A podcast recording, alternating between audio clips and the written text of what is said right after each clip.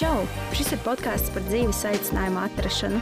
Ja arī tu maldies starp trim priedēm un nezini kļūt par fitnesa treneri, dizaineri vai lustīgāk šķiet kļūt par influenceri, klausies citu pieredzes stāstus par sava ceļa atrašanu un uzzini, kā viņiem ar to veicās. Noskaidrosim arī reālās profesijas aizkadrus. Sveiks, dārgo klausītāji! Tā nemanāmi, bet novembris ir pieklāvējis mūsu durvīm, un šis laiks man saistās ar tādu iegrimšanu sevī, pašrefleksiju, bišķiņu drūmumu. Un, kā zināms, māksla ir viens no veidiem, ko darīt, lai to savu iekšējo pasauli izpaustu uz āru, un par to arī šodien mēs runāsim. Runāsim par mākslu, par māksliniekiem un viņu dzīvi. Man bija pārdomas, ko saukt šo sarunu, bet vienā dienā viss apgriezās kājām gaisā, gluži kā šodienas mūsu viesņas glaznās, kuras ir košas, spilgtas, neparastas. Mm, es par viņu nezināju, bet laikam tā jau arī ir tā atslēga, ka neviens par tevi arī nezinās, ja tu sēdēsi klusi un neko neteiksi, sevi neparādīsi pasaulē. Viņa man uzrakstīja pirmā, un es sapratu, ka tā ir likteņa zīme. Mums ir jāstiegs, mums ir jārunā. Un tā ir laikam viņas stratēģija. Ja viņa kaut ko grib, viņa tur iet, viņa to paņem un viņa to paprasa. Pie mums ciemos ir māksliniece Elīna Sanda Zaķe. Čau, čau! Čau! Prieks būt kopā ar tevi. Man ļoti patīk, tikko, kā tu pieteici, ka, ja tu pats neinteresēsies un nemēģināsi tikt, tad arī ne, neviens par tevi nezinās. Tas bija vienkārši simtniekā. Super. Tā arī ir tā tava stratēģija. Tā arī ir mana stratēģija. Jā, iet un darīt, jo neviens jau tavā vietā cits nedarīs. Tā kā cik pats iesi un raksti uz priekšu, tik arī tiksi. Bet tā ir bijis vienmēr. Cik es sevi atceros, jā tā ir bijis vienmēr, kopš es vispār uzsāku savas mākslas gaitas. Es ļoti ātri sapratu, ka es nelikšu savu, varbūt, nākotni citu cilvēku rokās, un tad vienkārši ej pats dari, cik daudz vari. Klau, tev ir 26 gadi. Jā. Tev ir jau plaukstošs personīgais brands. Tu esi gan atpazīstama mākslas apritē, es tā saprotu tev patiešām ļoti kolosāls gleznas sanāk. Aprunājos ar pāris cilvēkiem, viņiem ir tāds, oh, kā šito visu pašmācības ceļā var vispār tā kā, wow! Kādā sakarā tik agrā vecumā tu tik mērķtiecīgi saprati, ka tieši māksla ir tavs virziens? Jo bieži vien cilvēki arī 40, 50, 100 gados nesaprot, kas viņi ir un ko viņi grib. Mans mākslas stāsts nav tāds, ka es vienā dienā piecēlos un es sapratu, o, es būšu mākslinieca, bet es vairāk ir ar tik daudz mazām detaļām nācis kopā un tās visas saliekas vienā kopbildē. Un liels ir visiem pārsteigums, kad es stāstu, ka patiesībā līdz 19 gadu vecumam es aktīvi nodarbojos ar sportu un peldēšanu tieši. Man bija seši treniņi nedēļā, un praktiski nekam citam laiks neatlika. Un tad viss, ko es darīju, bija zīmēju kladītes stūrīšos kaut kādus mazus. Um, ķeburus. ķeburus jā, un uh, domāju, jā, es varētu būt tetovētāja, man tas patīk. Un tad, uh, jā, ar laiku es sapratu, ka tetovētājs nevar būt, jo es nevaru iedomāties, kā es varu kā kādam iedurt ar adatu, un tur ir vēl asinis, un tas nē, nē, nē tas nav man. Tad es pabeidzu vidusskolu, es sāku mācīties uh, gan RTU ekonomiku, sapratu ātri, ka tas mm. nebūs um, aizgāju uz LU, mācīties grafikas dizainu. Arī sapratu, ka tas nebūs. Un, laikam, tāda foršā man iezīme ir tas, ka, ja es jūtu, ka tas nav, es nespiedīšu un nedarīšu to tālāk, tie tāpēc, ka vajag. Es iešu meklēšu to, kas man tiešām patīk. Un tad uh, tajā brīdī man ļoti patika aviācija un es aizgāju strādāt par stūrti. Es nostrādāju Es pabeidzu tikko pārbaudas laiku, un uh, man bija pirms paša pirmā lidojuma diena iepriekš salauzt botīti, mm. kas ir ļoti svarīgs faktors, kāpēc es vispār uh, kļuvu par mākslinieci. Jo kamēr man bija šī salauztā potīte, es mājās daudz laika pavadīju glaznojot, un man draugi atsūtīja, hei, rekuri konkurss, piesakies, tā kā tev darbi piesakies. Un es ilgi nepārdomājot, nu, kas, ko, ko man ir zaudēts, arī pieteicos, pieteicu savu darbu. Un, uh, galu galā es uzvarēju Latvijas atlasē.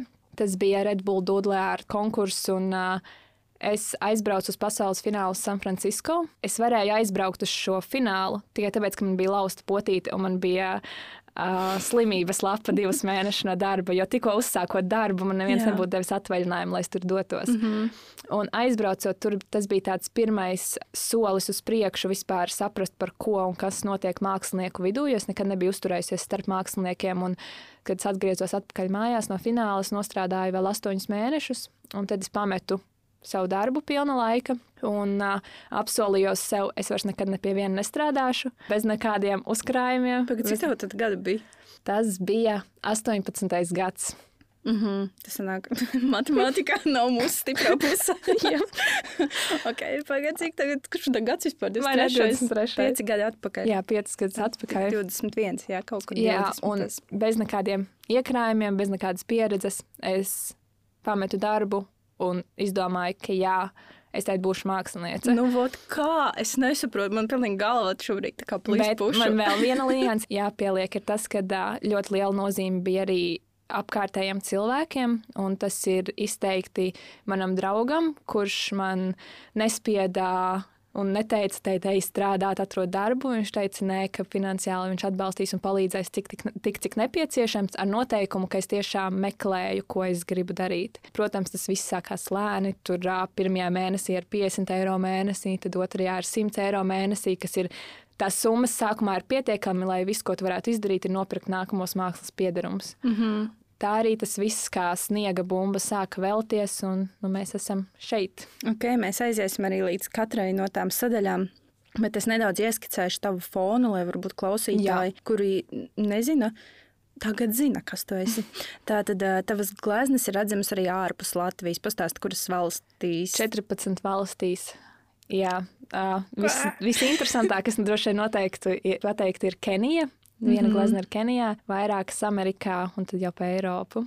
Riktīgi nice. Tie ir tā kā visi pasūtījumi darbi uz turieni aizceļojuši. Ne tikai pasūt, ir bijuši pasūtījumi darbi, bet uh, ir arī jau gatavās gleznas, kas ir cilvēkiem iepatikušās un viņi ir tās iegādājušies. Nice. Tev ir bijušas tās, pareizi saprotu, trīs personāla izstādes. Jā. Jā, ir bijušas vairāk, bet tās ir tādas mm. trīs, ko es uzsveru kā nopietnās. Man liekas, tas ir tiešām daudz priekš tāda nosacīta īsa ceļa. Jo, nu, kā mums pieredzējis domāts mākslinieks, viņš tur 50 gadus strādājis tur tajā nozarē, un nu, tādu mēs viņu varam saukt par mākslinieku. Līdz tam. Mm, Jā, bija laiks sākumā, kad man bija laiks, un tad, lai tiktu uz priekšu, es taisīju aptuveni četras personāla izstādes gadā. Tas bija pirmajos gados. Un tad, protams, ka tas apjoms paliek jau, es teiktu, vairāk. Um, Tie standarti aug pašam, kas ir izstāde un ko tu gribi izstādīt. Tad, protams, to izstāžu daudzums samazinās. Un tagad es cenšos uztaisīt vienu personāla izstādi gadā, kam tad arī gatavošanās process ir aptuveni gads. Tālāk, skicējot tavu fonu, tātad tu piedalies arī vairākās Latvijas izstādēs. Tev ir biznesa sadarbības bijušas ar ā, Cloudbree Design, Tele2, Bubble Tea Rīgā, Staburādzi, citiem uzņēmumiem. Un, kā jau tu teici, 17. gadā uzvarēja Red Bull Doodle Art konkursā. Kas tas vispār ir? Tas ir būtībā tāds stils, kur daudz nedomājot, tu uz papīra izliec to, kas ir galvā. Tas ir bez iepriekšējām skicēm. Vienkārši paņem papīra lapu un ļauj savai rokai strādāt. Nice. Tas ir tā kā tiešām tāds virziens mākslas kaut kāds. Jā, Un jā. Tas bija sākums tavai radošai izpausmē. Jā, jo tas, ko es radīju pašā sākumā, ļoti atš- atšķiras no tā, ko es radu tagad. Sākumā bija daudz detalizēti, melnbalti darbi, kas tiešām bija vairāk uz tetovēšanu. Ja tu iedomājies, ko mm. -hmm. tetovētāji parasti dara, tad tas bija vairāk uz to pusi, tad tagad tas ir pilnīgi Jā. 180 grādi. pretēji. Redzēju arī, ka bija posms, kad bija dzīvnieku ēra. Jā, es esmu izgājusi visām ērām, un šķiet, cauri dzīvnieki, ziedi. Un Tad, arī tagadējā ēra nav tāda uz palikšanu. Es, es domāju, ka vēl tuvākos daudzus, pāris daudzus gadus es vēl meklēšu to, kas tiešām ir mans. Ok, sāksim ar visu sākumu, bērnību, vai ne? Izskatīju visus tavus sociālos tīklus, kuri tev ir tiešām baigi grūti attīstīt. Man ļoti patīk gan tavi video, gan tas vizuālais, tiešām ļoti apsveicami. Tu gribēji būt astronauti. Pilotē vai to kaut kas arī tāds, jā? uzķēri. jā, es gribēju, tad, kad es biju ļoti maziņš, es gribēju būt astronauts. Man visi vienmēr teica, ka, nu, nē, nu, tā kā piezemējies, izdomā kaut ko reālāku. Un, Tu izdomāji mākslinieks. es domāju, mākslinieks, bet tā, tajā laikā es arī teicu, ka es būšu, pēc tam, kad jau es atmetu, es paaugos un atmetu ideju par astronautu, jo es sapratu, ka man slikti paliek no griešanās, un tas nav man. Bet kāpēc tev astronauta gribējās, kā, ka, kas tur slēpās? Man nav ne jausmas. Man šķiet, tas bija īpašs. varbūt no kaut kādas filmas. Es nostājos mm. Armagedonu vai nezinu, kāda filma, kas ielika galvā to ideju, bet man šķiet vienmēr fascinē viņu uh, kostīmi, kas vēl joprojām man ir gleznās ļoti Jā, daudz astronautu ķiveres un uh, Tas ir tā joprojām. kā atsauce uz ta- tavu bērnību. Varētu būt, jā. sapni. Jā. Jā. Un tad, kad es atmetu jau to ideju, tad es izdomāju, ok, es būšu brīvmākslinieks. Man nebija nejausmas, ko tas nozīmē. Es vienkārši to metu ārā kā frāzi. Un uh, arī par to man teica, nu, nē, piezemējies, izdomā kaut ko reālāku, kas ir reāla profesija. Un, uh, nē, es pie tā arī paliku, ka brīvmākslinieks nav jau tā, ka es esmu teikt no tā tālu. Arī tavos video YouTube. Tu teici, ka bērnībā ļoti daudz jau zīmē, kā tu tikko teici, skricelē kaut kur uz lapiņām. Man šķiet, mēs bērnībā visi tādi radoši tur zīmējam, vai ne? Kurā, kā tu vispār tā kā saprati, okay, ka tas ir kaut kas vairāk par vienkārši aizraušanos un bērnības tādu padarīšanu, ka tas ir kaut kas, ko reāli es varu pēc tam izmantot savā profesijā, savā darbā, savā ikdienā. Man šķiet, nav tāds brīdis, kad es sapratu, ka to var izmantot. Ir vienkārši, ka es uz to gāju, nedomājot, ka var savādāk. Protams, visiem maziem bērniem patīk zīmēt, kaut kādā brīdī tas beidzas, bet uh, iedomājies sev brīdī, ka, ja tu tiešām nebeigtu un to turpinātu attīstīt, un ja tu turpini attīstīt, nav tāda opcija, ka nesenāk. Bet kāpēc tieši māksla? Nu, tā kā vat, glezniecība, jā, tas ir tavs uh, mīļākais tāds, uh, veids, mm -hmm. izpausmes. Jā. Es sākumā nebiju domājusi iet uz glezniecību, kā savu dzīves ceļu izvēlēties. Te, kad es vispār aizgāju no sava darba un sāku nodarboties ar mākslu, es biju domājis, ka es būšu grafikas dizainers, jo vēl joprojām galvā bija tā doma, ka nu, vajag jau profesiju, ar kuru var pelnīt. Mm -hmm. Jo par glezniecību tajā laikā man nebija vispār nekāda nojausma. Tad es domāju, ok, grafikas dizaineri visiem vajag reklāmas, visiem vajag mārketinga materiālus un kaut ko tam līdzīgu.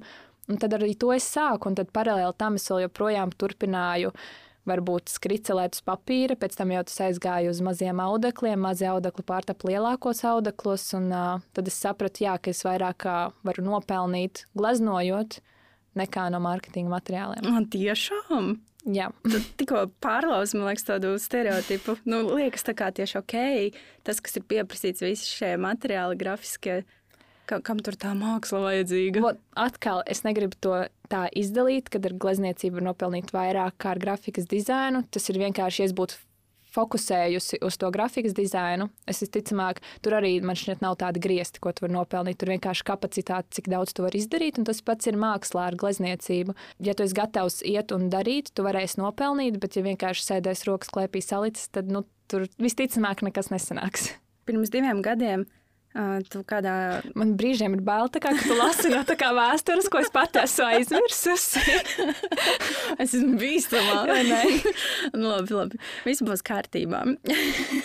Pirms diviem gadiem tu teici, ka mamma īsti nezināja, ko tu Jā. nodarbojies, cik, vispār, cik daudz pelni, kā tu dzīvo. Kā ir tagad? Es domāju, tagad situācija ir gājusi uz labo pusi. Jā. Tagad jau ir nojausma, kas un kā, un tas, ka viņi redz tiešām tās sadarbības aktīvās un ka gleznas tiek pārdotas. Tāpēc tādi jautājumi vairs baigi nav. Mm -hmm. Un stāsts bija arī tāds, ka Omīti domāja, ka tu arī pirms tam diviem gadiem, ka tu tur zem tilta dzīvo un vispār tā kā viss čau ar viņu. Man šķiet, ka tās vienkārši tā paudžu starpība, kur uh, es necentīšos nekad nevienam tā laika cilvēkam mēģināt saprast, ko un kā es daru. Un man šķiet, tur ir tas pats stāsts, kad varbūt viņai, vi- viņa nelieto tik daudz telefonu un sociālos tīklus, kas nozīmē, viņai nav nekāda izpratne par to, tāpēc tas ir pilnīgi pieņemami, ka viņai nav sapratne par to, kā es pelnu. Bet vispār tā ģimenes vide bija, teiksim, atbalstoša pret to, ka, nu, jā, Elīna, vai kā tu vispār sevi Elīna vai Sandra, kur vārdu vispār saisti vairāk? Elīna. Elīna. Sandra ir tā, kurai ir slikts garstāvoklis. ok, tad šodien ir Elīna. Šodien ir Elīna. Labi, tā ģimenes atbalstošā vide bija, ka Elīna, ok, esi mākslinieks, izpaudies tur brīvi. Es teiktu, bija atbalstoša, bet vēl joprojām ar baiļu sajūtu. Jo vēl joprojām tie, kuri nav bijuši ar pataustījuši ar pirkstu galiem mākslu, protams, ka viņiem ir tie stereotipi. Un tos stereotipus arī viņi zina, ka mākslinieks nepelna, kā tu vispār kaut ko izdarīsi. Tāpēc atbalstīt, atbalstīja, bet vienmēr vēl joprojām spiediens bija uz to normālo, mm -hmm. pēdiņās normālo profesiju pusi. Kāpēc tu tā izlēmi tos vispār stereotipus lauzt gan savā ģimenē, savā galvā, vispār sabiedrībā arī, nu kā, ka mākslinieks pelna, ka mākslinieks ir profesija? Man šķiet, ka kaut kāda nozīme tur spēlē. Nevis kaut kāda, bet ļoti liela nozīme. Mans draugs, kuram nekad nav bijušas tādas limitācijas, kā nevar kaut ko darīt tikai tāpēc, ka nevar pelnīt, vai arī nedara kaut ko tikai tāpēc, ka tas nav pieņemts. Tas ir vienmēr viņš ir motivējis, ja tu gribi, tad ej un dari, un tu sasniegsi. Un, ja tev ir kaut kas tāds ceļā, tad atrodi, kas ir tā problēma, tiec viņai pāri. Viņš bija tas lielākais motivators, ar kuru iepazīstoties, man arī pilnīgi izmainījās domāšana un sapratne par to, kas ir iespējams. Un tāpēc man arī ir interesanti, ka tu jautā tos jautājumus, jo man nekad nav pašai galvā bijis tāds jautājums par, oh, vai es tiešām pelnīšu, vai man izdosies. Nē, tu vienkārši ej un dari. Tā, tā nedomāju. Jā, jā, es pat par to neesmu nekad nevienā brīdī domājusi. Protams, ir brīži, kad tur mēnesī nesanāk neko nopelnīt, bet tāpēc tur ir jābūt ļoti labai finansiālai izjūtai un labam vispār jāizprot finanses, mm -hmm. um, lai viss sanāk tur, jo ir jāuzkrāj, jo būs tukšie mēneši, būs ļoti labie mēneši, un tad viņus izlīdzina Raidījumā trīs kvadrātā tu biji pieteikta kā perfekcioniste. Man tas perfekcionisms Mm, I know what you're talking about. uh, man šķiet, tas saistās ar tādu nu, kritiku, tādu nebeidzamu, ka vajag izcili, vajag šī tā, tā, tā, tā. Kā šī tevis daļa sadzīvo mākslā, liekas, tas ir kā nu, viens otru gremdējoši, ka tad mākslinieks nevar izpausties, ja viņš visu laiku tāds kritisks. Es teiktu, ka es esmu nestandarta mākslinieks. Man Varbūt kāds argumentēs un teiks, ka nē, bet eh, man tā domāšana ir pilnīgi savādāka. Man šķiet, ka tas nāk no sporta. Tā ir ļoti lielā disciplīna, kas bija bērnībā peldēšanas grupā, ko treneri ielika. Jābūt konkrētā laikā uz treniņu, nedrīkst ne minūti kavēt. Tas arī teikt, atspoguļojas manā mākslā, ka man ir ļoti liela disciplīna ar to, ko es gribu darīt. Tev vispār ir kaut kāda paškritika pret sevi? Ka... Protams, man šķiet, bez tās jau neviens neko nesasniegtu. Bet atkal ir kā bieži vien ir cilvēki, slāpē? kuri nepaņem kā hobiju. Kā tu iepriekš teici, kad varbūt tev ir bail iet un kaut ko darīt. Tas noteikti ir brīdis, kur nē, tev vienalga kāds ir iznākums, ej un dari, lai gan pēc tam viss pilnīgi sūds sanāks, es atvainojos. tā kā galvenais ej un dari un mācies no tā, un pēc tam jau, tad, protams, tu uzliec paškritiskos rāmjus, kur tu zini, kurā brīdī viņus jāuzliek un kurā brīdī jānoņem nost. Vai tā motivācija nodoties mākslai ir kaut kāds iekšējais dumpis? Nezinu, vai dumpis, bet tas, ko es esmu ievērojis. Es par to apdomāju ļoti daudz pēdējā laikā, ka es savā mākslā esmu izgājis ļoti daudz cauri periodiem. Un, teiksim, viens no tiem bija atkal bērnības izdzīvošana. Um, kas varbūt mm. mana bērnība bija savādāka ar to sportu, ka man tiešām bija kat, katru dienu pēc skolas treniņš, un man nebija laika ne ar draugiem kaut kur aiziet, ne ballītēm. Mm. Un, uh, tāpēc es izdzīvoju to bērnības periodu, un tagad sakal jūtu, ka man ir ik pa laikam ir citādāk periodi. Vai tu esi aizbēgus no mājām? Nē, bet es esmu naktī kāpusi ārā pa logu, lavījusies prom. Jo neļāva, ja kaut kur neļāva iet, jā, un to es mammai izstāstīju tikai jau pēc tam, kad es biju izvākusies no mājām. Uz kaut kādu tusiņu. Jo es biju salauzusi daļu no loga tās. Mums bija tie sietiņi mušķu priekšā, un es viņu biju tā kā grūdusi, lai es varētu izlīst viņam cauri. Viņš bija tāds vaļīgs palicis, un tāpēc viņa man vienu dienu par to jautāja, un tad, protams, pateica. Uz tusiņu, jā, uz tusiņu, protams. Mm. Parunāsim par uh, liktenīgo šo momentu tavā dzīvē, šo konkursu. Kas tur tā tevī noklikšķēja? Kas bija tas, kas iedeva iedeva to impulsu, oh, šī tā var, es arī tā gribu. Droši vien tas, ka redzot, ka mākslinieks nav ierāmēts tikai esot glaznotājs. Es tur sastapu cilvēkus, kas mācās mākslas, vēsturi, arhitektūru, ir vienkārši kā dūdlinga eksperti vai šāda veida profesijas un nozeres, par kurām ok, labi, varbūt mākslas vēsture ir jau kaut kas mums saprotams un zināms, bet es tajā brīdī nebiju ar mākslu saistīta, kas vēl joprojām man bija kā jauna bilde, wow, tiešām var tik daudz dažādas nianses atrast mākslā, un ka to var darīt. Un mums tieši tur bija specifiskā lekcija, no sievietes, kurai vārds arī bija Sanī, kas man ļoti patika. Mm -hmm. Es viņu vēl joprojām atceros, kas stāstīja par to, kā ar mākslu var pelnīt un kā mums vajag vienkārši ielikt to enerģiju iekšā tajā un atrast to savu nišu. Un, ja es atceros to vēl joprojām to lekciju tik spilgti, tad es domāju, ka tas varētu būt no vieniem no iedvesmojošākajiem faktoriem. Tu atceries kaut kādus vārdus, ko viņa teica, kas ir iekudējušies prātā? Konkrētus vārdus varbūt nē, bet es vairāk atceros sajūtu. Es esmu ļoti liels sajūta cilvēks, kā es vispār virzos pa dzīvi. Un tas ir arī tā sajūta, ka sēžot, jūti, ka aptuveni kājās ir skudriņas, un tu vairs nevari nosēdēt, ka ir kaut kas jādara, un tu dabū to motivācijas būstu, kas ir nepieciešams.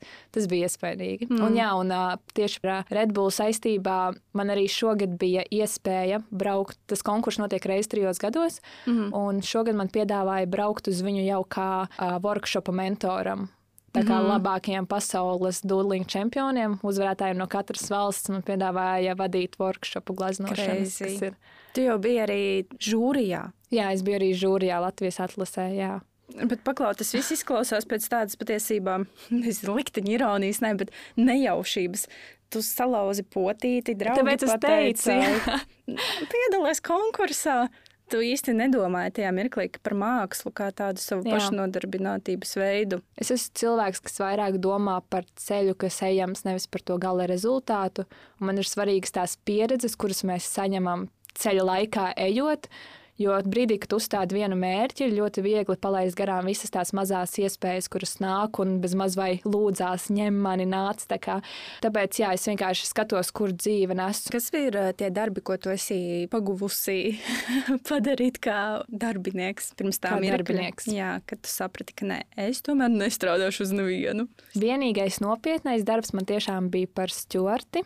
Un pirms tam Es strādāju par glābēju Čīpselas peldbasseinā. Mm. Jā, un tad tāds paralēli skolai, 12. klasē, tad uh, bija, es biju šefpavāra palīgs, es griezu salātus. Bet tas stāsts izklausās tāds, ka nu, tā nebija tur desmit gadu sevis meklējumi, ka, kas es tur būšu tika izmēģināts trīs šīs profesijas, un tad tā Tāpēc, ka man saprast. jau problēma bija vidusskolā, kad es nevarēju izlemt, uz kurieni iet mācīties. Tas jau bija pirmais. Un es paņēmu precīzi tā nozara bija uzņēmēja darbība. Mm. Un, Klasika. es paņēmu to tāpēc, ka tas izklausījās gudri. Tas ir pilnīgi nopietns iemesls, kāpēc es viņu paņēmu, jo man nebija nejausmas, ko es gribu darīt. Man vecāki, protams, teica, ej uz sportu, jo, nu, kā tu esi sportojis visu savu bērnību, ej par treneri, bet tā, tas man vispār neuzrunāja. Un, jā, es aizgāju to uzņēmēju darbību. Tas arī bija pirmais, kurš sapratu, ka viņi māca, teiksim, par to, kā strādāt kaut kur par asistentu vairāk nekā uzbūvēt savu uzņēmumu. Mm -hmm. Un tad es sapratu, ok, es varu labāk iet un darīt to, kas man patīk, un uzbūvēt jau tagad, nekā mācīties par to četrus gadus, tad vēl vajadzēs kaut kur strādāt, jo finansiāli sevi nodrošināt. Tad, kad tu ienāc tajā ritanī, no viņa pēc tam ir ļoti grūti tikt ārā. Es domāju, zini ko? Tad, kad tu aizgāji no tās stūra, tad nu, drošas vīdes, normāls darbs, jau viss čiki puki dzīvē. Tev nebija bail? Nē, jo man bija tas. Uh, finansiālais nodrošinājums no drauga puses un arī atbalsts ļoti liels. Es pastrādāju tos astoņus mēnešus, un tas bija ļoti emocionāli grūti, jo tur ir mm. ļoti. Tur darb, tas ir darbs ar cilvēkiem. Un vienu dienu uz tevi sabļauj, otrā dienā, nezinu, tev ir jāmēģina tikt galā ar kliedzošiem bērniem, un tev visu laiku ir jābūt kā uz adatām, jo tev visu laiku jārisina problēmas, un tas ir ļoti emocionāli nogurdinoši. Un, ta, un tas bija tas iemesls, kāpēc es apsolījos, ka es nekad ne pie viena nestrādāšu. Un pilns riņķis ir apgājis, un es nonāku pie secinājuma, ka glezniecība ir tikpat daudz darbs ar cilvēkiem, kā bija darbs strādājot pie stūra. Tagad tev ir jau sava studija. Kad viņi vispār? Es arī ar Covid viņu dabūju, kad draugs sāka strādāt no mājām. Mums kritiski pamainījās vieta, kā mūs visus sabīdīt, jo man māksla attīstījās, man bija aizvien vairāk audekli. Viņam savukārt arī vajadzēja vēl iekārtot galdu, un tajā brīdī mēs vairs nevarējām apvienot, būt abi mājās. Tad, jā, es sapratu, ka vajag studiju, ko es jau gribēju ļoti ilgi, bet tas bija atkal tāds uh, punkts, kur es nezināju, kā es finansiāli to atļaušos. Uh, vienkārši draugs pateica, ok, ja vajadzēs, palīdzēs, bet lielā mērā, kad es sāku tur darboties, tas arī bija tāds ļoti strauji kāpiens uz augšu.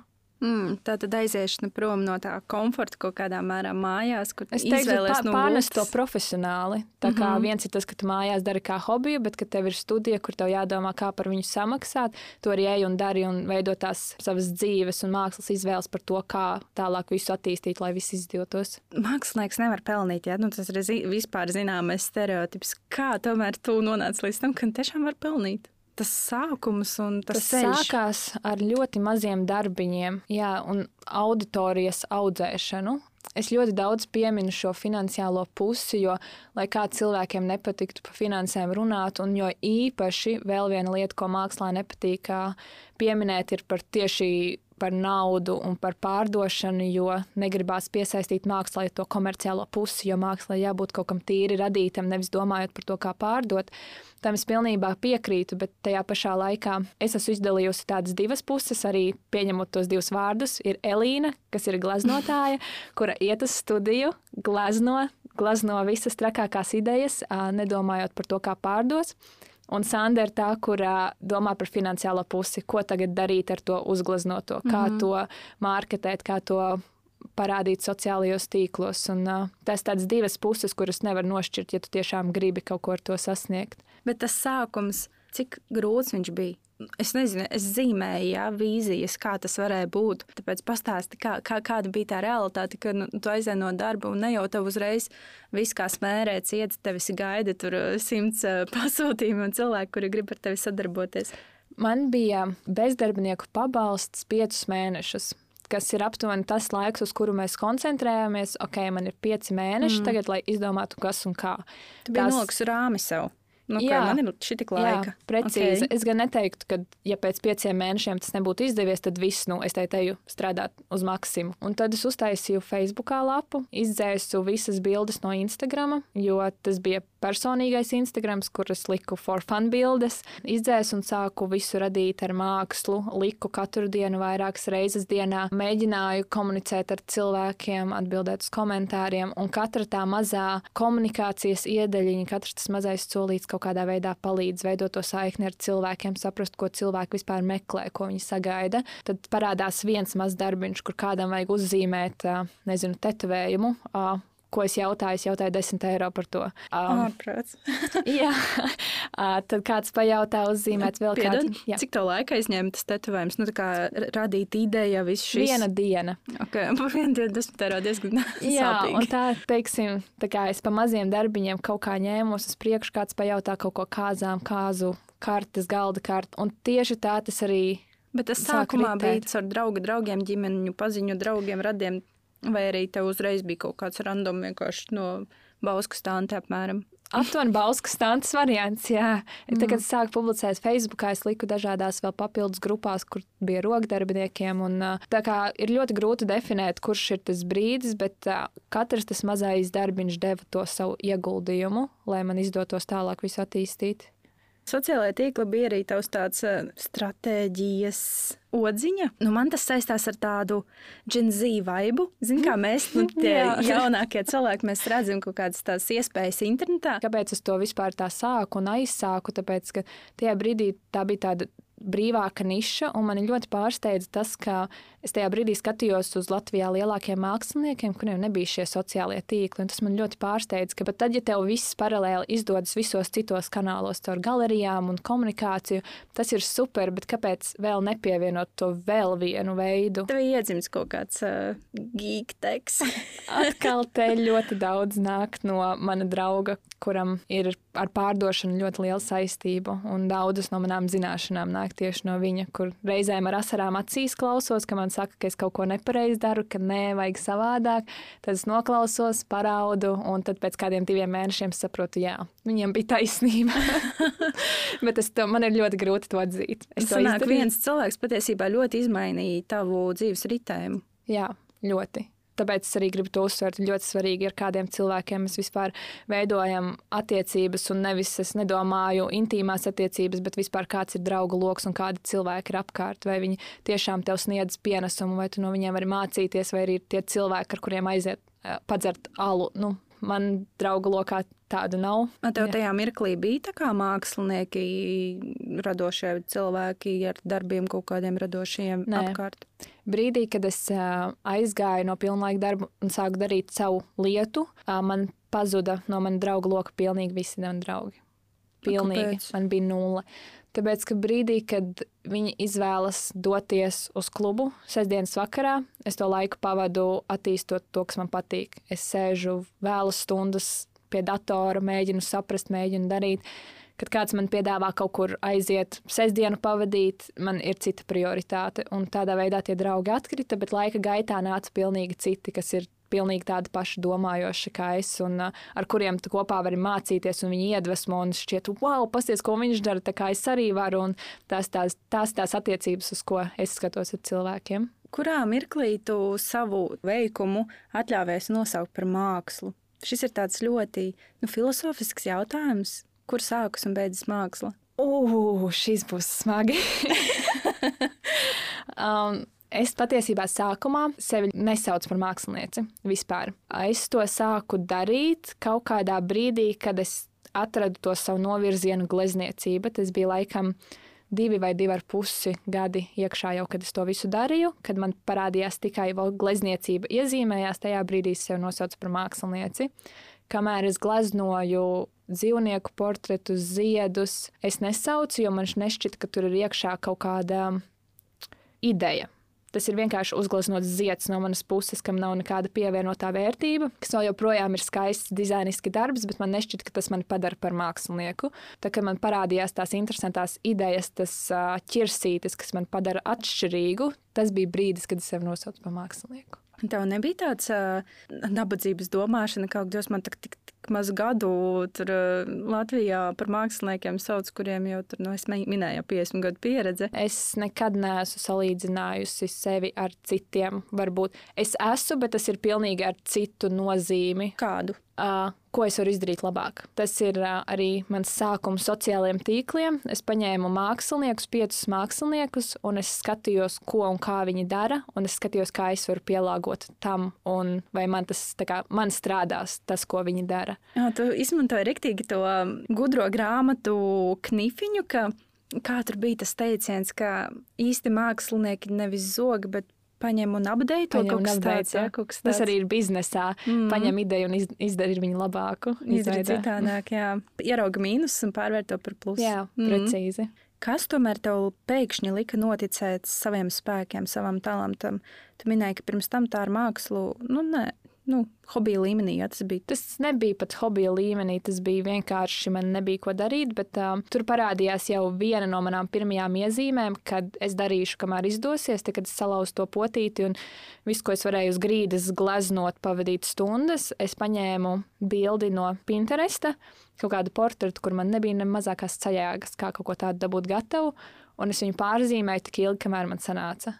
Es zīmēju atkal un atkal, un patiesībā ja nepieciešams, es varu atsūtīt uh, bildes ar kaut kādiem pirmiem darbiem, Jā, kas tiešām nav nevienā veidā labāki par jebko, ko jebkurš cits var uzzīmēt. Pag, nu, bet tiešām tu tajā mirklī, kad pārlūz tā potīta. Es biju nulle. Tiešām. Nu, labi, tajā brīdī varbūt es vairs nebiju nulle, jo es jau biju to darījusi kādu laiku, nu, tur skolā un paralēli kā hobijs. Kaut ko es pratu, bet jā, tā kā es sāku no pilnīgas nulles. Es nemācēju ne ēnot, ne uzvilkt taisnu līniju, ne uzvilkt apli. Nu, pilnīgi tas ir. Un cilvēki tam netic, un viņš saka, jā, tev ir talants. Nu, mans talants ir vienkārši iet uz to, ko es gribu. Tā kā es sēžu un daru, kamēr man sanāk. Ticība sev, kurā brīdī tomēr tā kā viņa piedzima. Tas impulss, ka, oh, jā, man, man sanāk, es varu. Tā, kad es sāku darīt. Man jebkurai lietai es teikt paņemšu. Man tagad grib, ir mērķis nākamais, gribu iet uz daļu slidošanu. Es gribu iemācīties slidot. Ir, jā, jā es, ne, es neprotu slidot, es nevaru nostrēties slidām. Un es pat nedomāju par to, ka, jā, es ticu, ka man tas sanāks. Es vienkārši man galvā jau ir tā apziņa. Es zinu, ka man tas sanāks. Tā kā, kā var nesanākt, es tiešām iešu uz to? ka nevar nesanākt. Jā, tā kā pat tad, ja mm. es nokritīšu vienreiz, divreiz, trīsreiz, un tad celies un mēģinu, tas pats ir ar mākslu. Kad es sāku, es nemaz neapšaubīju sevi, es vienkārši darīju. Izklausās, ka tu ej tur, kur tu neko neproti, un Jā, to grūtību izauc. man patiesībā draugs teica, ka viena no iezīmēm, kas man ir, ir nedomājot darīt, kas ir varbūt no vienas skatu punkta var iebraukt lielās ziepēs, bet no otras tu nepārdomā viņu desmit reizes un neatrod iemeslus, kāpēc to nedarīt. Tev ir pašportrets How much is enough ar nosaukumu. Kāpēc tieši šāds nosaukums? Tas bija darbs uh, akadēmijai pirmā semestra, pirmā kursa darbs un bija jāuzglezno savs pašportrets. Un es sapratu, ka nu, es negribu gleznot, nu, vienkārši apsēsties sevi un kaut kādā garlaicīgā veidā. Es sapratu, ka es varētu viņu uzgleznot, attēlojot savu iekšieni darbā. Un tas ir tas uh, mazais, trakulīgais bērns ar mērkaķīti galvā, kas sit bungas mm -hmm. un uh, ar izspūrušiem matiem, trakām acīm un tabletīti uz mēles. Jo tā bija tāda ironija, jo man bieži vien cilvēki jautā, ko es lietoju, lai uh, radītu darbus.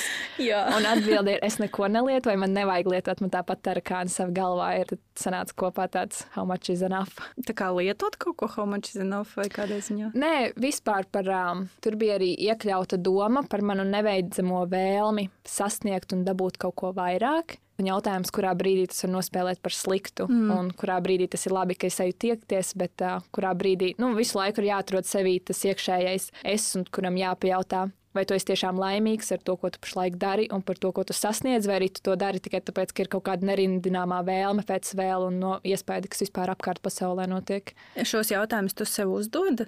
Un uzdevi? Nē, tas bija ne? vairāk. tas bija vairāk pēc tam, kad es biju uzgleznojusi gleznu. Mm. Es vados pēc sajūtas, es gleznoju to, kas man iekšā, un pēc tam apsēžos un skatos, par ko viņa bija, kāpēc es viņu gleznoju. Tajā brīdī es uzdodu jautājumu. Mm. Okay, kas ir tas, kur tu ej? Uz priekšu. Kur, kas ir tā priekš, ko tu gribi sasniegt? Man ir vairāki tādi mazāki mērķīši, kā, teiksim, pašlaik man ir uh, atrast galeriju, ar ko kopā sadarboties, un tas tāds ļoti, ļoti maziņš mērķīts. Un man tādi ir daudzi par tādu lielo mērķi, atkal man tas nav vārdos ielikts, tā ir vairāk sajūta, ko es gribu, kur es gribu atrasties, kādā veidā es gribu izskatīties un ko es gribu darīt pēc desmit gadiem. Bet kas ir tā sajūta, pēc kā tu ej? Es centīšos pateikt, cik precīzi es varu, bet uh, tas, ko es vēlos sasniegt, ir ļoti liela brīvība visās tās formās. Gan radīšanas, gan finanšu, gan dzīves. Brīvība spilgtākajā tās pakāpē. Tev ir glezna ar nosaukumu Erors. Kas ir bijusi smagākā kļūda mākslā, ko es pieļāvu? Wow, šis jautājums man patīk. Tāpēc es pateikšu, ka nav kļūdu. man to ļoti bieži jautā, vai es teiksim, gleznās pieļauju kļūdas. Un, uh, es vienmēr saku, ka nē, un cilvēki jautā, nu kā, kā tu glezno tik daudz, tā kā ir jābūt kaut kādi darbi, kur tu pieļauj kļūdas, bet tā feature tāda, ka tu vari visas kļūdas izlabot. Un jautājums, vai tā tiešām ir kļūda. Varbūt tas nepareizais būs tieši kā pienesums gleznai, bet, ja galu galā tev nepatīk, to joprojām var aizkrāsot, kas nozīmē, man pabeigtās gleznās nav kļūdu, jo visas kļūdas to var izmainīt. Kas ir bijis pats foršākais tāds uh, sadarbības piedāvājums, kas tev ir bijis un kuru tu ļoti, ļoti izbaudīji? Noteikti ar staburadzi, um, kas ir, jā, braucat pa Tallinas ielu. Ja nemaldos, cipars bija 73, um, kurš taburēdas rūpnīca. Tur uh, 60 metru garumā mēs ar vēl vienu mākslinieci apgleznojām pagājušo vasaru sienu.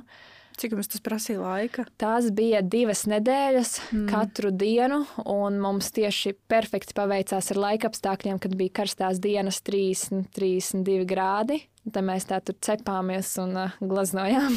tā kā kotletes. Jā, precīzi. Kas ir tā summa, ko tu saņēmi par to darbu? To visnotaļ par to maksāja. Jā, par to visnotaļ maksā, bet uh, es cenas neesmu nekur publicējusi. Ja tu mēģināji kaut kur atrast, man nav cenas nekur pieejamas, kā arī es to neapspriežu, jo viens no iemesliem ir tāds, ka Tad tā informācija izplatās tālāk, un cilvēkiem patīk nodot vēl piepušķotu nepareizu informāciju klāt. Turklāt katrs darbs ir ļoti individuāls, kas nozīmē, ka es negribu, lai kāds sadzird cenu, un tad nospriež, ah, ok, cena tāda, tad nav gluži priekš mums domāts, jo katram darbam tiešām ir pilnīgi citādākas izmaksas. Nu, okay, bet tas arī audzē tādu, man liekas, tā ir vispār problēma nišās, dažādās nozarēs, ka ir tās. Uh, nerunāšana par naudu, nerunāšana par summām, jo nu, arī, nezinu, influenceru vidē neviens it kā nezina, ja, cik tur viņš pelna. Es varu pateikt, tas... ka pasūtījuma darbiem cenas sākas no 1000 eiro. Mm. Tas ir uh, glaznām tieši, mm -hmm. kas ir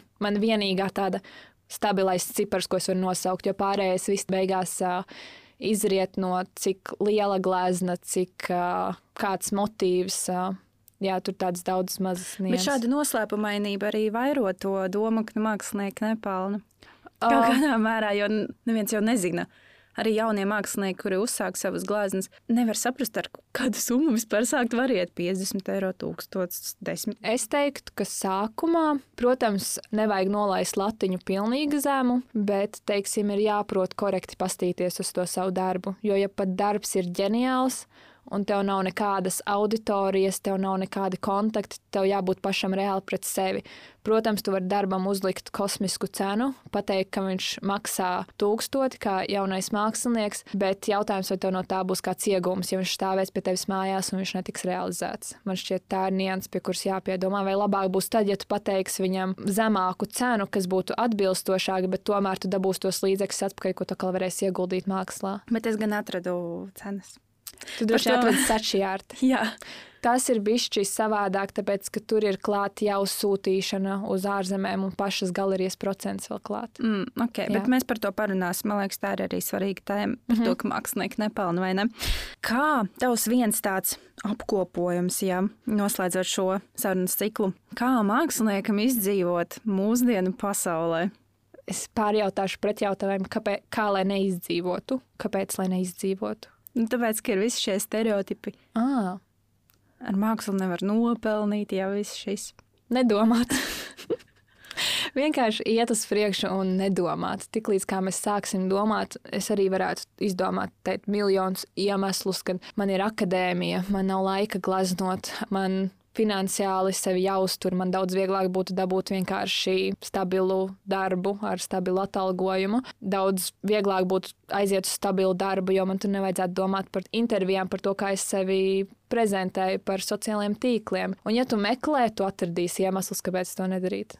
Tāpēc Nemeklēt. Ne, nemeklē. Labāk meklē iemeslus, kāpēc tu to vari izdarīt. Un ar to pasakot, es neesmu nekāds ģēnijs, kas nekad ne, nepārdomā šīs lietas un kas neraud gultā, domājot, ak, šausmas, kāpēc es to izvēlējos. Protams, tādi brīži ir. Bet galvenais, lai tie brīži nepārņem tos, kā to iekšējo motivāciju. Mākslinieks tā nav nopietna profesija. To var darīt nopietni un var darīt nenopietni.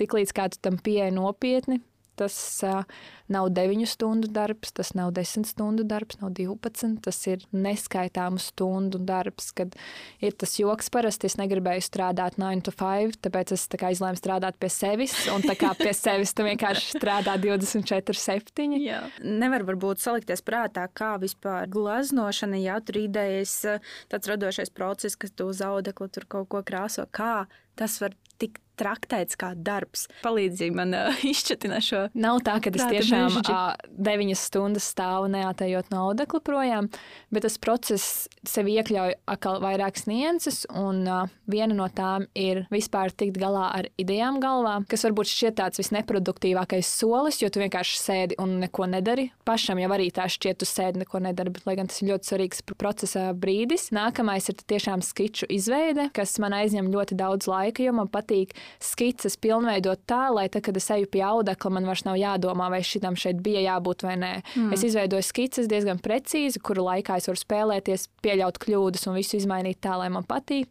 Un tagad, kad eju pie audekla, tad jau tas ir vispatīkamākais brīdis, kur es vienkārši ļauju sev vaļu, zinot to, kāda ir skice, zinot to jau kādu es gribu iznākumu. Kā vispār? Jā, varbūt uh, detalizētāk var pastāstīt tas ceļš no idejas līdz uh, gala rezultātam, cik tas laika ziņā apjomīgs darbs ir. Atkal ļoti varijē. Ir gleznas, kas nāk ļoti viegli, tādas, kuras es tagad paņemu savu iPadu, ātri uzskicēju. À, tu taisi tā kā grafisko? Es taisu digitālas skices. Mm, kāpēc tā? Tāpēc, tas šķiet praktiskāks, kur to ar uh, vienas rokas kustību var nomainīt krāsu, mainīt cik reizes vajag, mainīt visu, ko vajag. A, kāpēc tad uh, nepietiek ar to, ka tur jau ir gatavs? Tas kā, arī kaini, Tehniski kā... var, ir digitāli mākslinieki, bet tev patīk dara, tieši man kā... patīk glaznot. Mm. Un es viņas arī jautājums, kas katram ir nostrādāta skice, bet, tad, kad es saku nostrādāta skice, viņa vēl joprojām, kad tu pastīsies uz skici un reālo darbu, ļoti atšķirsies. Jo man nav nepieciešams daudzas lietas skicē taisīt, jo man viņas ir galvā, es zinu, kā viņas izlikt. Šo arī ieliksim sociālajos tīklos, kā izskatās tava skice un kāds ir tas oh reālais darbs? Man liekas, tas būtu ļoti interesanti redzēt, kā, kā tas deformējas. Es apskatīšos, vai man ir tādas skices, ko var rādīt. Jā, jā bet vispār cik bieži ir tā, ka tās skice atbilst tam, kas ir gala rezultātā? Ļoti bieži tas, kas paliek, ir kompozīcija. Kā mm. viss ir izvietots, krāsas, toņi, tur kaut kādi vēl papildus kaut kādi elementi, tie, mm tie varbūt pamainās. Ok, par to laiku, cik tad uh, ir tas ideja, realizācija vidēji? Tā tad jā, varbūt viens variants, kur uzskicēju vienā dienā, eju pie audekla un tad tikai glaznošana atkal atkarīgs no tā, cik detalizēta glazna, varbūt no divām dienām, kad viņu pabeidzu, ja ir kaut kas tāds vienkāršs. Varbūt līdz ilgākā glazna man bija sešus mēnešus. Mm. Pa Covid laiku arī patiesībā glaznoju viņu tādu detalizētu. Kas tā bija par glazna. Tāds briedis detalizēts. Ah, jā, es redzēju, jā, jā, jā ļoti jā. daudz detaļu iekšā. Un uh, ir arī atkal. To visu skici... piedot rotiņu? Jā, viss ir rotiņu. Oh, un tad ir atkal skices, kuras uh, nāk ilgāk. Tas var mēdz būt pasūtījuma darbiem, kur mēs tiešām noslīpējam skici uz 100% tā, lai klientam patīk. Tad tas var būt divas nedēļas, varbūt arī ilgāk. Nu, tas viss atkarīgs no komunikācijas. Tad arī glaznošana atkal no divām dienām. Tev ir raksturīgi tādas vērienīgas, lielas tos audekļus. Liela mānija. Jā. jā. Kā, kāpēc tu taisi tādas lielas? Izskatās iespaidīgāk. Man pašai šķiet, ka tādā veidā es labāk varu izlikt to domu un emociju glaznā. Man patīk, laikam, strādāt arī vairāk ar lielām otām. Mm. Uz mazās glāzes šķiet, ka viņi kaut kādā veidā ierobežo. Nu jā, tev jau vienkārši. brīvību. Man vajag brīvību. Jā, tev vajag brīvību. Mm, kā tu izdomā vispār to ideju? Nu, kā, sāksim ar to, kas ir tas stils, kur, kurā tu strādā. Galvenokārt popārts. Uh, popārts ir uh, popkultūras izmantošana darbos. Un popārtam ir raksturīgas tās košās krāsas. Jā, tieši jā. tā. Aha. Lieli elementi, košas krāsas. Un kā tad ir tā ideja, kā viņu rodas? Tu guļot, viņa tev atnāk kaut kāda ideja, vai tu sēdi, dzer kafiju, tēju un vienkārši sapņo, un tur skaties pliku audeklu un tu redzi, kas tur būs. Kā tas strādā? Glazējot iepriekšējo gleznu, es jau zinu nākamās trīs. Kādā tas ir? Es glaznoju, un kamēr es viņu glaznoju, man jau rodas idejas, kur es teiksim, mm. tas viss sākās. Man šķiet, ka tā ir tāda evolūcija, kur viss sākās tos piecus gadus atpakaļ, kurus uzglaznoju, nezinu, astronautu. Es viņu uzgleznoju. Kamēr es gleznoju, es domāju, o, oh, astronautam stilīgi būtu, ja būtu saldējums uz galvas. Nākamā glāzes astronauts saldējumu, kamēr es gleznoju saldējumu, o, oh, interesanti būtu, ja kaut kas tur vēl būtu. Un tā viņas tādā veidā aug visu laiku, kaut ko piedomājot klāt, izdomājot jaunu veidu, kā parādīt to ideju. Tad tavs tas atspērienu punkts ir, kas ir interesanti. Jā, droši vien. Es teiktu, ka jā, Lielā mērā jā, jo man pašai ir svarīgi, lai man ir interesanti gleznot. Man patīk spēlēties ar elementiem un to nozīmi. Teiksim, banāns pats par sevi neko nenozīmē ieliec viņu pareizajā kombinācijā ar pareizajiem elementiem, un viņš iegūs pilnīgi citu nozīmi. Liela ironija ir tā, ka maziem bērniem ļoti patīk manas gleznas. un brīži tās, kuras nav pārāk piedienīgas, bet uh, viņi neredz šo nozīmi, kas mm -hmm. ir ļoti mhm. interesanti. Tavās gleznās, jā, starp citu, var redzēt šos elementus, kad ir tas astronauts, plīša lācītis, banāns, noteiktas krāsas, dominē rozā, tāds purpurs kaut kāds gaišs zilais. Kāpēc tā? Nu, Tātad astronauts mēs sapratām, bērnības atblāzma. Lācis. Lācis. Lācis atkal tā ir spēlēšanās vairāk par to, kas ir šis pats elements. Respektīvi, lācis pārsvarā saistīts ar plīša lācīti, ar bērnības lācīti, bet, kad uzliec to klāt plikai meitenei, Tur rodas jau dažādas uh, divdomības un uh, more controversial paskats glaznai. Tā arī paņem elementus, teiksim, kad astronauts šķiet, ka glaznās jau ir pietiekami, ka man pašai prasās jau kaut kas savādāks, kaut ko pamainīt, tad es atkal domāju, kas varētu būt šis elements, kas raisītu cilvēkiem kaut kāda veida emocijas un jautājumus. Kāpēc tev ir svarīgi iedot to controversial, nu, tādu neviennozīmīgumu? Man šķiet, tas ir tas mans veids, kā es lieku cilvēkiem skatīties uz gleznu un apdomāt, pārdomāt redzēto. Jo es neesmu izteikti sociālo tēmu mākslinieks, es neeju pa smagajām tēmām, un šī ir tāda niša, ko es esmu atradusi, ka man patīk spēlēties ar cilvēku apziņu par to, kā katrs cilvēks redzēs konkrēto elementu vai gleznu atkarībā no viņa līdzšinējās pieredzes. Cik daudz grafiskā dizaina ir tavā dzīvē? Tu veido šobrīd kaut kādus arī pasūtījumu darbus tieši grafiskajā? Man ik pa laikam pajautā, bet tas varbūt tagad ir eh, reizi pāris mēnešos. Tas vairs nav tik aktuāli. Tikai kāds, kurš varbūt zina, ka es to esmu darījusi, pajautā. Tad sanāk ka tu šobrīd pelni tiešām ar glaznošanu. Jā, Varbūt ne tiešā veidā ar glaznām, labi, tas ir tiešā veidā ar glaznām, bet tam paralēli ir arī dažādi veidi projekti. Kā viņi paši tevi atrod, vai tu kaut kur uh, patīk, zini, ko gribi, tu turēji. un raksti, Tā es parasti cil nē, cilvēkiem es tā neuzbāžos. Nē, nē, nē. Par to, ka ej un dari, tas ir vairāk domāts par uh, nekautrējies nekad pajautāt. Un, labi, tas ir pilnīgi pretēji tam, ko es teicu stāst. Bet nē, nevajag uzbāzties. Ir jābūt tai robežai, kā, ko nevajag pārkāpt. Uh, bet uh, cilvēki, jā, paši mani atrod. Ja pirms uh, pāris gadiem man bija aktīvi tiešām jāmeklē un jācenšas piesaistīt cilvēkus, tagad tas vairāk ir tā, ka kāds kādam pasaka, un es pat varētu neko nepublicēt, baigi daudz sociālajos tīklos, un ar mani tāpat tās sazinātos. Tev šobrīd vairāk ir pasūtījumi no vietējā tirgus Latvijas vai no ārzemēm, kas ir tas lielākais klients. Vēl joprojām lielākoties ir Latvija. Tāpēc tagad man ir tas pārdomu laiks, jo es gribētu atspērties uz ārzemēm, sākt kaut ko ar ārzemēm darīt, ar ārzemju klientiem. Tas pašlaik ir ļoti grūti vispār saprast, kas un kā. Tas ir uh, pilnīgi sākt no nulles, vispār izprast, un tas ir tas, ko es teicu, cenšos darīt. Parunāsim par mīļāko tēmu - naudas cenām. Tas, ko es atradu, tā tad dārgākā maksā pāri 5000, lētākā, kas bija, bija 500 kaut kas tur eiro. Kā tu vispār nosaki to cenu vērtību saviem darbiem? Kas tur tiek iekļauts? Materiālu daudzums, cik tev ideju prasīja saražot, vai kas tas ir? Kopēji varbūt mēs varam neiekļaut to informāciju, ko tu pateici, jo nu, tā ir cita mājaslapa, bet var noteikti pateikt, ka gatavajām gleznām, kas man ir pieejamas mājaslapā, cenas ir no 300 līdz 3000 eiro.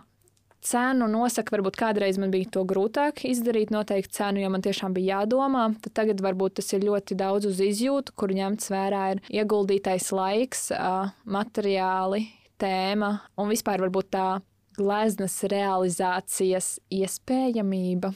Ir tāds termins, Bet, ko tas nozīmē? Jā, Tas pa- nozīmē aptuveni, ka es uzgleznoju, un es zinu, ka šī būs glezna, kas cilvēkiem ļoti patiks. Mm. Uh, jo ir, protams, tēmas, kas cilvēkiem vairāk patīk, kas ne pārāk. un Tad uzgleznojot, jau zinu, ka viņi vairāk patiks, un, protams, cena būs augstāka, jo lielāks pieprasījums. Tev ir bijusi tāda glezna, ko tu negribi pārdot. Jā, es arī nezinu, vai es viņu vēl pārdošu, bet tā ir viena no gleznām, kuru es biju paņēmusi sev uz mājām, un viņa tik labi iederējās, ka es domāju, bāc. Tā kā es viņu negribu kaut kur laist projām, bet. Uh, Kas tā ir? Viņai nosaukums ir Champagne Bubble High. Tā ir tāda maigi zaļa glezna ar diviem pingvīniem, šampanieti. Būs jāpaskatās. Man šķiet, ir uh, svarīgi arī tās lietas pastāstīt, ko tu teici, ka nu, tajā mājaslapā ir tie uh, procenti, tiem savāds galerijas sev, mm -hmm. jo tā ir tā jūsu realitāte māksliniekiem. Cik reāli no tās cenas saņemat jūs, nevis kaut kādi citi distributors, kuri izplata jūsu mākslu.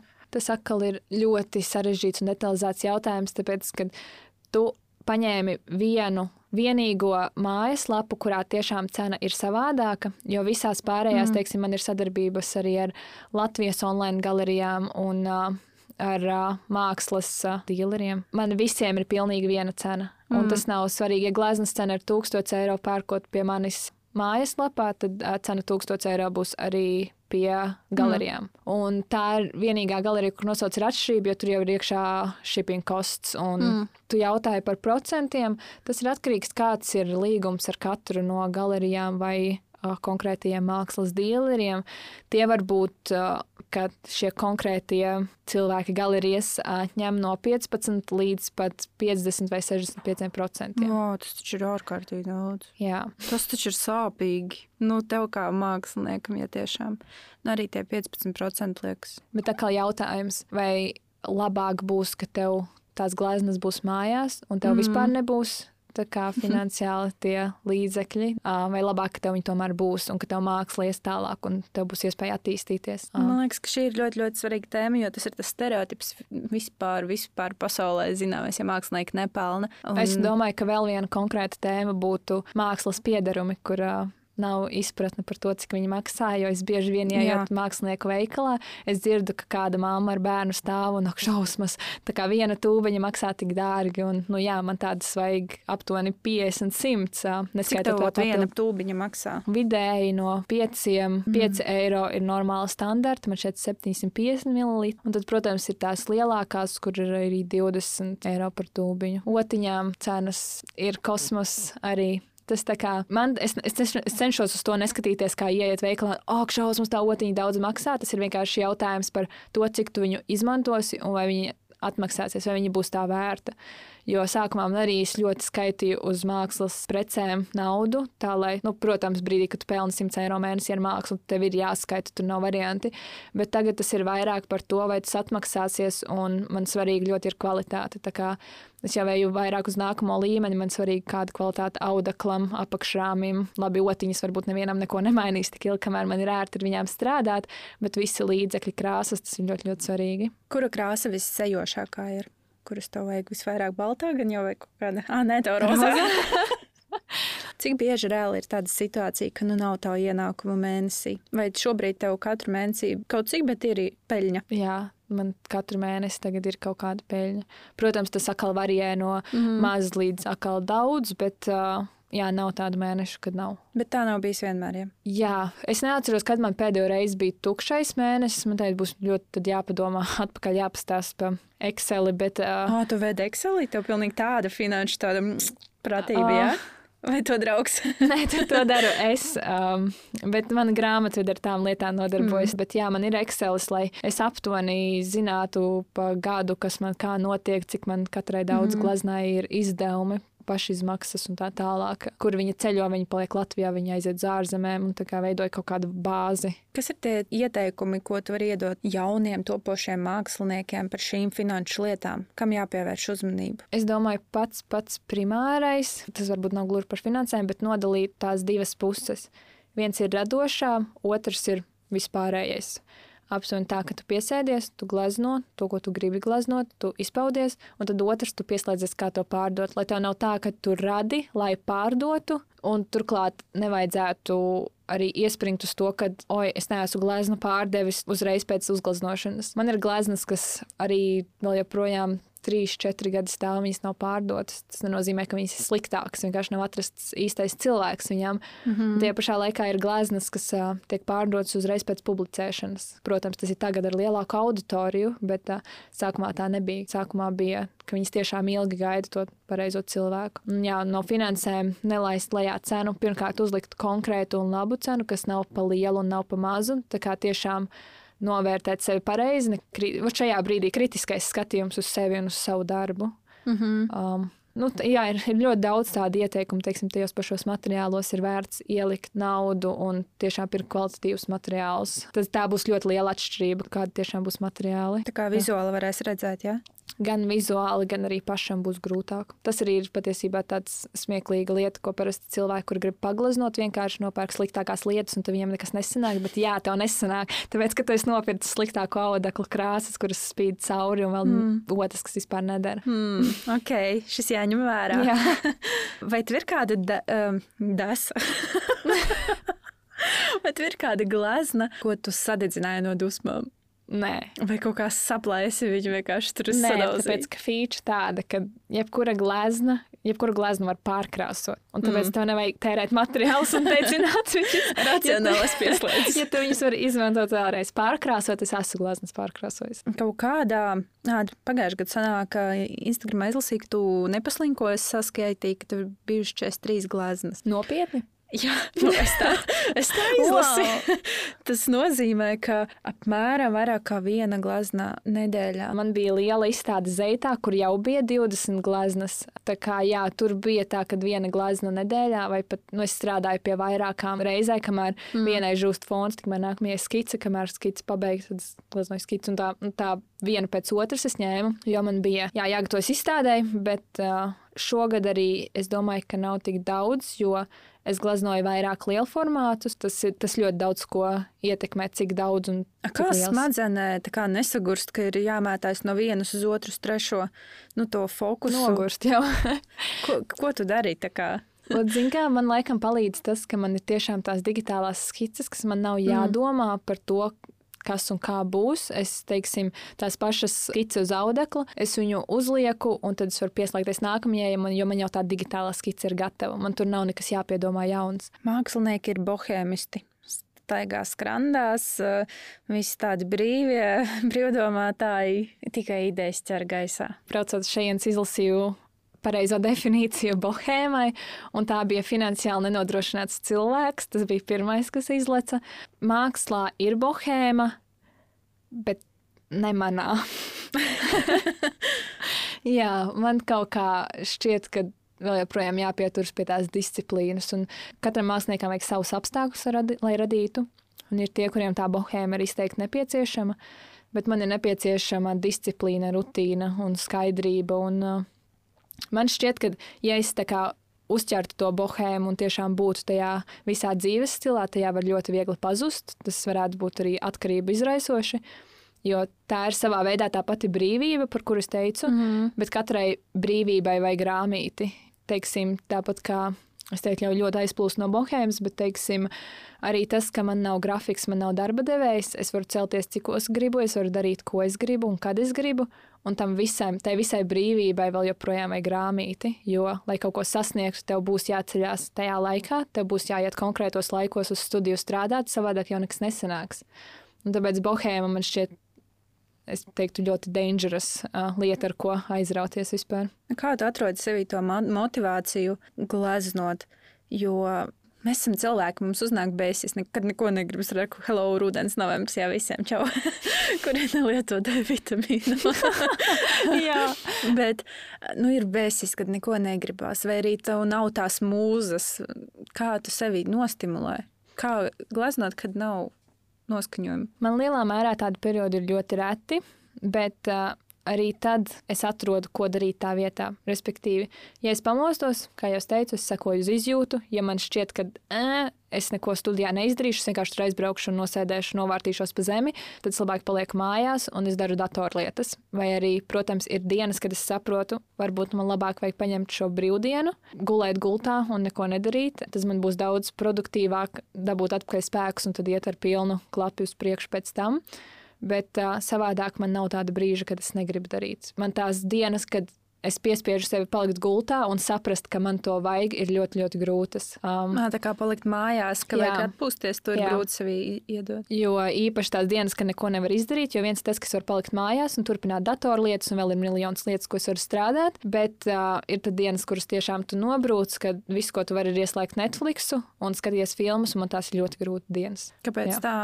Tāpēc, ka man šķiet, ka uh, es šo dienu esmu izniekojis pilnīgi neko neizdarot, kad kā, es varēju pakāpties solīt uz augšu, un es to izdarījusi. Bet es atkal es sevi nenosodu par to. Visam vajadzīgs tas uh, veselīgais kritis. Balans. Balans jā. Mm, kā tu saproti, ka nu, šis ir gatavs, šī glāzne ir gatava? Tā kā man patīk. Tad atkal atgriežamies pie tās paškritikas. Nu. Vai tu, kad skaties savu darbu, tu, tu neredzi, ka oh, šī te es varēju labāk novilkt to līniju, vai tur varētu tur tādu toni? Patiesībā man teikt, ir tāda viena glezna, kuru es uzgleznoju. Es jau viņu nobildēju, ieliku sociālajos tīklos, pateicu, ka pabeigts, viss forši. Un tad skatos un saprotu, ka nav. Un tā problēma bija tāpēc, ka es ignorēju jau to sajūtu sākumā. Ka mm. man šķita, ka nu, mm, kaut kāds ir kaut kas, kas man baigi neapmierina, bet es domāju, ai, ignorēšu, tā kā es nepiesiešos sev, un šoreiz nošāvu greizi, es viņu visticamāk labošu. Bet pārsvarā man ir tā, ka tad, kad uh, kompozīcija un krāsas viss man šķiet tā kā tā forši saslēdzas kopā, tad viņa ir gatava, kad man iekšēji ir tā sajūta, ja ir, kad vairs nav nepieciešams nekāds otrs triepiens. Un tas var aizņemt vairākas dienas, kad es, teiksim, pabeidzu vienu dienu gleznu, kas ir ļoti svarīgi. Nekad vienā dienā visu neizdarīt, jo vajag ar svaigu mm. skatu aiziet, tīpaši, ja ir ilgāks laiks strādāts pie viņas. Tad paņemt to laiku, pauzi, kaut vai ja tā ir viena nakts, un tad atgriezties un paskatīties uz svaigām acīm, vai tiešām viņa ir pabeigta, vai kaut kāds vēl punktiņš kaut kur nepieciešams. Varbūt tā arī ir tā tehnika, kā nepazaudēt mūzu, ka nevis Vot tagad es piesēžos un no idejas līdz rezultātam nonāku, bet ka ir tas process. Vispār ļoti interesanti lieta, ko es varu izstāstīt.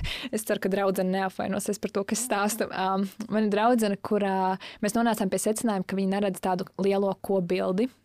Un man šķiet, ka tas arī ļoti svarīgi mākslā. Ir jāredz tā kopbilde, lai būtu iedvesma turpināt. Jo būs glezna, kuru tu nevarēsi pabeigt tos sešus mēnešus, un ja tu neredzi to kopbildi, to iemeslu, kāpēc tu to radi, ir ļoti viegli atmest visam ar roku. Hmm. Kas, jā, visās, visos veidos, kā es varu pašlaik iedomāties, tā kopbilde gan savam mērķim, gan tai tā brīža gleznai, ko tu dari, gan sociālajiem tīkliem. Visiem ir svarīgi redzēt to kopbildi, lai tu neieslīgtu detaļās un nesāktu pārdomāt visu kaut ko. Tev tās glazmas ir tādas, eh, nu, pišķiņa tā kā arī surrealistiskas, nu, to lielumu, izmēru, krāsu dēļ.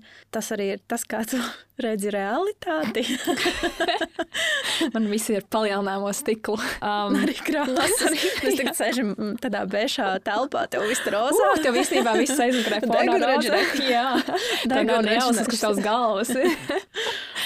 Nē, es vairāk teiktu, es ļoti daudz sapņoju.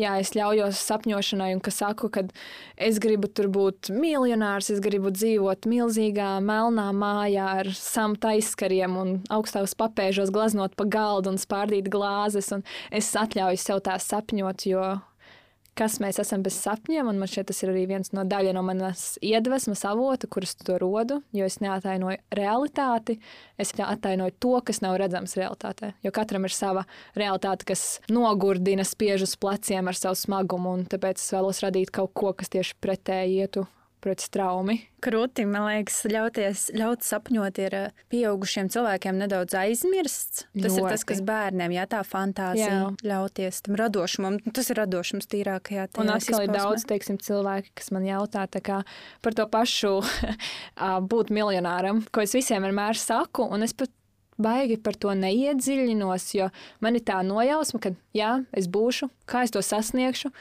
Man nav ne jausmas, es uz to eju, un es vienkārši sabīdīšu puzles gabaliņus, kā tas ir nepieciešams, lai tas tā notiktu. Un cilvēki saka, nu, nē, nu, tā kā nolaidies uz zemes, domā kaut ko reālāku, tādu, ko var tiešām sasniegt, sataustīt. Kā, bet es domāju, a, kāpēc to nevar sasniegt un sataustīt. Tā kā mēs katrs veidojam savu realitāti, tad te var arī pieminēt to vārdu, populāro vārdu, kas ne visiem patīk, manifestācija, kas man šķiet ir ļoti svarīgi. Un tas nenozīmē, ka tev te miljons pats no sevis atnāks, bet tev arī būs jāiegulda liels darbs, bet, kā, ja tu pat nedomāsi un nesapņosi par to, tad uh, sapņot un domāt ir daļa no darba. 50%. Lūk. Es domāju, ka mēs ar tevi arī šīs nots noslēgsim, jo noslēgt ar sapņiem ir kaut kas ļoti vērtīgs. Atļauties sev padomāt radošāk, citādāk un pasapņot par to, ko varbūt ikdienā mēs aizmirstam. Paldies, tev, Elīna, par Paldies. šo sarunu! Paldies, Paldies. ka uzaicināji. Paldies, tev, klausītāji. Novēlu arī tev šajā nevisai saulainajā laikā, bet uh, ieraudzīt to sapni, ko vēlies uh, realizēt. Un tā kā Elīna doties uz viņu mērķtiecīgi, nedomājot par to, kā ko izdarīt, bet uh, vienkārši to sasniegt maziem solīšiem. Mēs ar jums tiekamies jau nākamā ceturtdienā. Un līdz tam seko podkāstu Instagram kontam, un lai sapņi top. Atā! Atā.